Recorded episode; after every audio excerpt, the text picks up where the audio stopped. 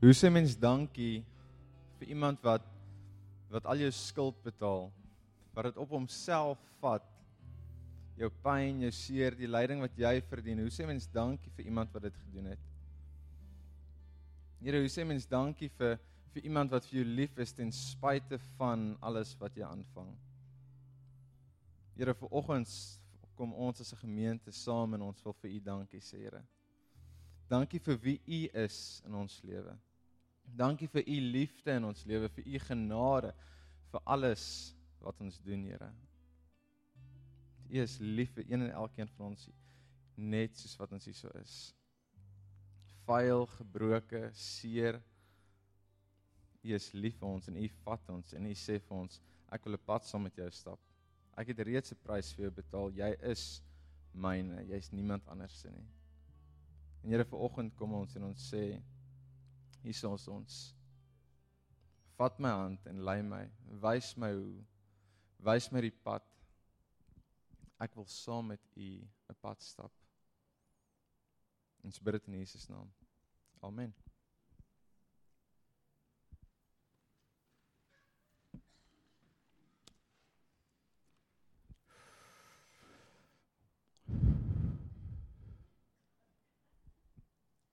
Haal julle almal asem? Awesome? Is julle wakker?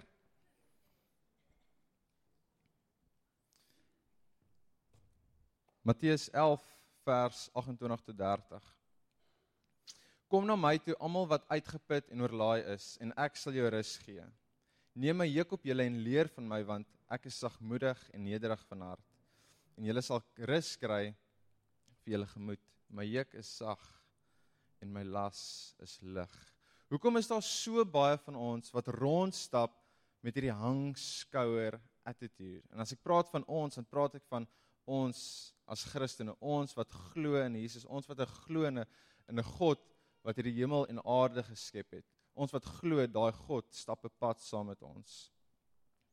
Daar's baie oggende wat ek net ek wil nie opstaan nie. Ek wil terugkruip in my bed. Daai alarm moet gesnoes word en ek ek wil net nie aan ek sien nie kans vir hierdie dag nie en elke kans wat ons kry, kla ons by die volgende persoon en en ons sit met 'n God wat aan ons kant is. En ons lees hierdie vers wat sê kom na my toe almal wat uitgeput en oorlaai is en en in jou kop skud jy net so jou kop ja, dit is ek, dit is ek. Want ons lewe in hierdie in hierdie in hierdie tydperk wat dis so gejaag Dit is so haastig. Alles wat ons doen moet so gebeur nou. Môre soek ek. Hier is jou deadlines. Dit moet nou gebeur. Jou familie is siek. Jy moet nou by die hospitaal kom. Alles moet nou gebeur en, en jy voel bietjie uitgebrand. Weet jy, jy staan op die oggend en jy, jy moet werk toe gaan en jou werk vat al jou tyd.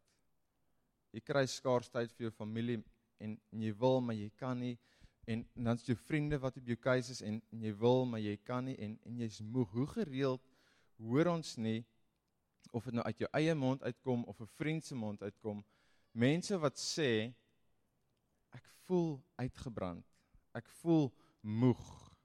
Ek kan nie meer werk nie. Ek kan nie meer so effektief werk soos wat soos wat ek graag wil nie. Ek het net nie meer daai wilskrag binne my om aan te hou nie. En dan sit jy hier op 'n Sondag en jy dink heerlikheid ten spyte van alles dit en nou wil die pastoor ook nog hê ek moet hier wees op 'n Sondag. Weet en ek moet geld gee. Ek moet my tyd opoffer. Ten spyte van hoe besig ek is. En hierdie week moet jy 'n goeie Christen wees want dis wat daarvan jou verwag word. Wat ook al dit beteken. Die tyd voor Jesus was dit gewees jy moet jou die Bybel ken, jy moet die Ou Testament geken het, jy moet die wette ken en jy moet leef volgens die wette. En en die mense kon dit nie doen nie. Elke persoon het geval want dit was te moeilik geweest om volgens wet te leef. Selfs die selfs die beste van hulle het probeer maar nog steeds elke nou en dan dan val jy. Jy weet en toe kom Jesus En Jesus stel vir ons 'n nuwe manier van lewe voor. Hy nooi ons uit na hierdie nuwe manier van leef en en die eerste gedagte in hierdie vers wat hy wat hy vir ons bring is ek sal vir julle rus gee. Kom ek wys vir jou hoe om te rus. Ja, dis 'n lekker uitnodiging.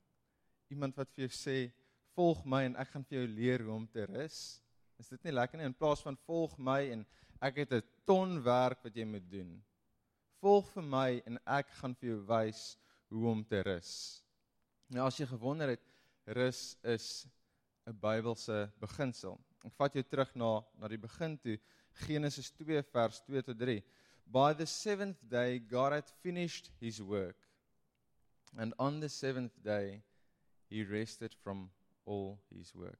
Dink jy regtig God het nodig gehad om te rus? Dink daaroor.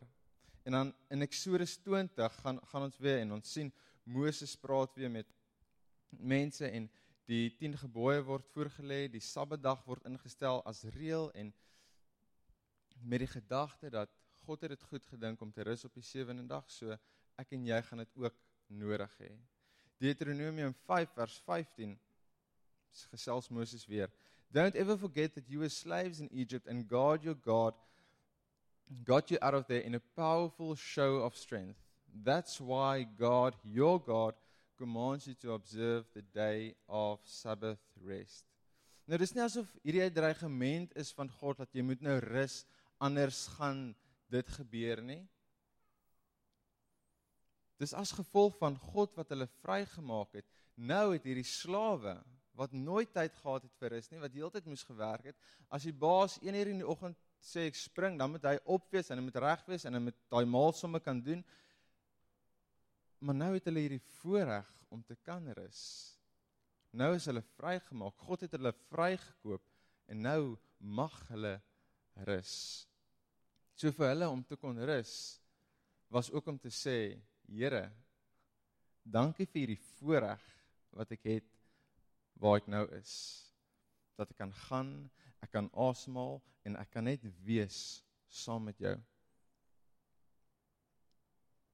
Nou, ons lewe nie vandag in 'n in 'n slawe tydperk nie, maar elkeen van ons wat hierso sit, van tyd tot tyd raak ons moeg. Ons raak oorlaai en ons het rus nodig.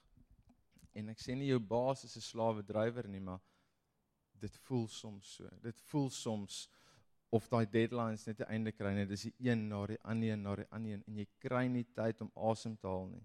En jou verlof eers in die einde van die jaar is, jy kan nie wag, jy werk om daar uit te kom. En ons mis dit om te rus tussendeur.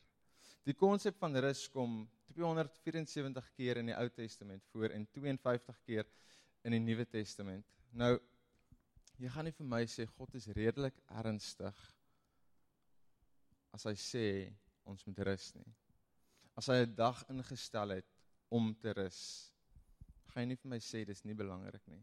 Wat maak dit saak as ek gaan slaap of rus of as ek dit nou skiep? Jy weet behalwe vir die feit dat ons oorlaai is met werk, hoekom hoekom sukkel ek en jy om af te skakel? Hoekom sukkel ons om net ons gedagtes skoon te maak en vorentoe te beweeg? Nie om te dink aan ons werk nie. Want ons het soveel, soveel waarde heg ons aan aan ons werk, jy weet. Dis wie ek is.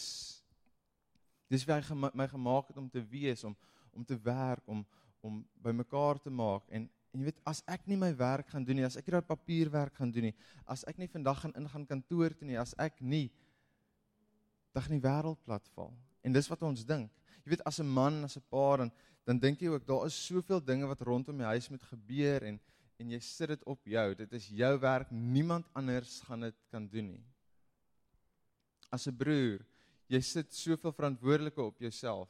Niemand anders gaan doen wat jy doen nie. As 'n pa, as 'n oupa, niemand anders gaan doen wat jy kan doen nie. Kom ek sê vir jou die dag as jy doodgaan, as jy sterf, as jy die emmer skop. As jy gaan in 'n dag, dan gaan jy vervang word by die werk. En dis 'n feit. Maar dit sê nie wat jy doen is nie belangrik nie. wat ek wil sê is moenie al jou waarde heg aan dit wat jy doen elke dag nie. Vat tyd vir jouself om te rus. In dieselfde sin moet jy onthou, daar gaan altyd iets wees om te doen. Weet, dan is daar niks om te doen nie. En dan soek jy, "O, oh, maar hierdie berggoedjies moet nog gebeur. Hierdie moet nog gebeur en dit moet nog gebeur en en so kan ons heeltyd aangaan. Daar gaan heeltyd iets wees. Jesus sê in Markus 2 vers 27 sê hy die volgende van die Sabbat. The Sabbath was made to serve us. We weren't made to serve the Sabbath. Om nie te rus nie, doen jy skade aan jouself. En God het geweet ons almal gaan rus nodig hê. Dis hoekom hy gerus het. Hy wil vir ons gewys het hoe belangrik dit is om te rus. Die Sabbat is ingestel sodat ons dit kan geniet. Die Sabbat is nie daar om om soos 'n loodketting om jou skouers te hang en vir jou te sê jy moet nou gaan rus nie. Die Sabbat is daar om vir jou te herinner jy het dit nodig. Jy het nodig om nou te gaan rus. Jy het nodig om bietjie te ontspan. Want kan jy agterkom jy's besig om jouself uit te brand? Kan jy agterkom jy's besig om bietjie bietjie stadig maar seker stadig te beweeg? As jy gaan kyk na atlete, as jy gaan kyk na hulle program, hulle oefenprogram, daar's altyd rus ingewerk. Of dit nou 'n dag se rus is of dit 'n paar ure se rus is, daar's altyd rus ingewerk in hulle program in want in daai rus herstel die spiere weer. Hulle lyf herstel weer om die volgende dag weer volstoom te kan aangaan. Anders gaan jy 100% gee, gaan 100, 200, 300 en een dag dan crash jy. Dan is jy klaar. Ek kan nie meer hardloop nie, ek wil nie opstaan nie, ek het nie meer lus vir dit nie. Uh, en dan klaar jy. En dan kom Jesus en hy sê vir ons ons moet sy juk opneem. Nou Rob Bell vertel hierdie storie van hoe dit gewerk het in daai tyd en hy daar was verskeie rabbies gewees in Jesus se tyd. En en ons plebs het probeer onder rabbies inval. En elke rabbi het sy eie reëls gehad hoe hy die wet interpreteer. So party was streng geweest, party was bietjie meer vrygewig geweest. So jy kon inval by 'n leermeester as dit jou toekom. En Jesus sê kom en neem my juk op. En probeer Jesus vir ons sê dat as ons sy juk gaan opneem, gaan dit makliker wees. Dit gaan lekkerder wees. Dis dis meer eenvoudig dat as ons by iemand anders gaan, gaan ons sukkel. Is dit wat hy vir ons probeer sê? Of probeer hy net vir ons sê maar jy gaan nog steeds deur die moeilike tye gaan. Jy gaan nog steeds struggle. Daar gaan nog steeds tye kom van swaar kry, tye van wat jy jou kop gaan sak en jy weet nie hoe nie maar hy nooi ons uit en hy sê vir ons ek wil nie hê jy moet hierdie pad alleen stap nie. Ek wil dit saam met jou stap. En soos wat ek saam met jou stap, wil ek hê kyk na my en kyk hoe ek situasies hanteer. Kyk wat ek doen in hierdie situasie en leer by my. Hierdie is 'n uitnodiging wat hy vir ons maak. Jesus wil kom en en hy wil jou bekommernis kom dra. Is dit nie makliker vir twee mense om saam 'n swaar voorwerp te dra nie? Reg? Jy het hierdie swaar klip wat jy moet optel, maar jy sukkel om dit alleen te doen. En 'n vriend kom en hy sê, "Ja, ek kan jou help. Ek kan jou help om hierdie klip op en jy tel hom op en jy beweeg aan." Is dit nie makliker om slegte nuus in 'n hospitaal te hanteer met iemand wat in jou sy is nie? Is nie makliker as daar iemand aan jou sy is voordat jy ingaan vir 'n operasie nie. Dis makliker met iemand aan jou sy, 'n vriend, 'n vriendin, 'n ma, 'n pa. En Jesus kom en hy sê ek wil daai persoon vir jou wees. Ek wil langs jou wees. En as jy deur 'n moeilike tyd gaan, ek is daar vir jou. Jesus sê nie hy gaan hierdie goed wegvat van jou nie. Hy sê net ek wil dit met jou deel. En as jy jou lewe met hom gaan deel, dan gaan jy begin ervaar. Wow. Hier's 'n load van my skouers af, hierdie berg wat op my skouers was. Dis ligter. Ek kan bietjie asemhaal. Ek kan leef, ek kan stap, ek kan beweeg, ek voel vry en dis wat Jesus sê. Ek dink aan Dawid in Psalm 23 waar hy sê die Here is my herder, ek kom niks kort nie. Hy laat my in groen weivelde rus en hy bring my by waters waar daar vrede is. En Dawid se lewe was nie altyd maklik en eenvoudig geweest nie. Hy het sy eie moeilike tye gehad, hy het sy eie struggles gehad, soos ek en jy. Maar ten spyte van dit alles het hy geweet wie die pad saam met hom stap. Hy het geweet wie hom red elke dag. Hy het geweet wie vir hom asem gee elke dag. Hy het geweet waar hy kan rus vind by die Here. Jy vind jouself daagliks in hierdie posisie waar dit vir jou voel of ek kan nie meer nie. My kinders is te veel. My familie byt my kop af elke dag. Die werk is net te besig en dit gaan nooit ophou nie. Jaar na jaar na jaar voel dit vir jou soos dieselfde rotine en dit raak nie beter nie. En jy's in hierdie plek van wanneer when is things to change? En jy's moeg en jy's uitgebrand en Jesus kom en en hy nooi vir jou. En hy sê kom leer by my. En David White sê die volgende: When rested I am ready for the world but not held hostage by it. When rested, I care again for the right things and the right people in the right way.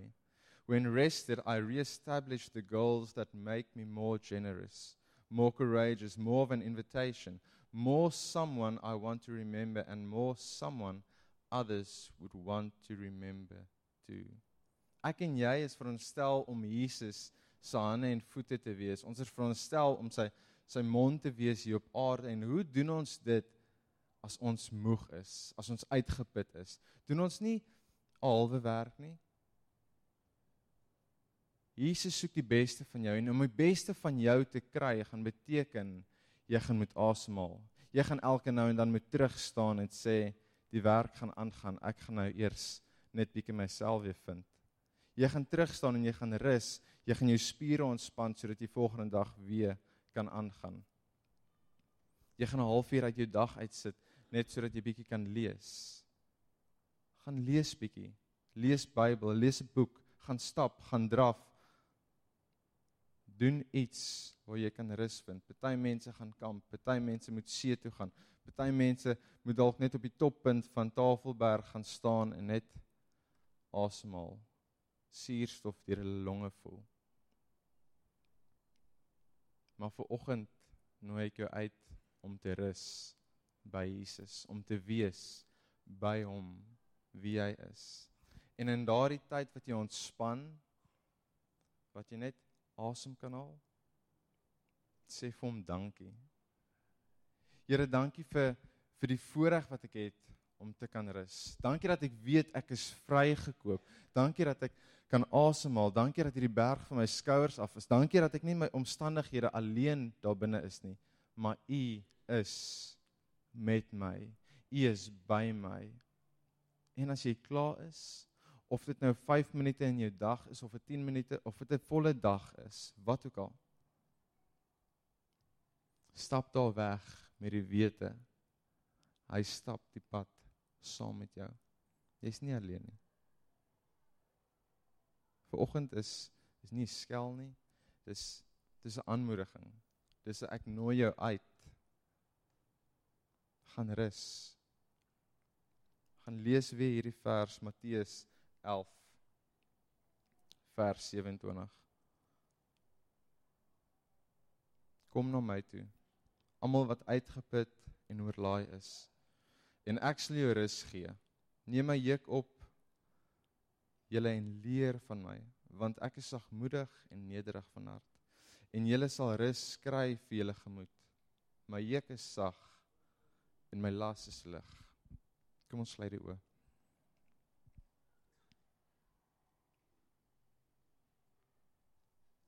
Here ons kom ver oggend na U toe met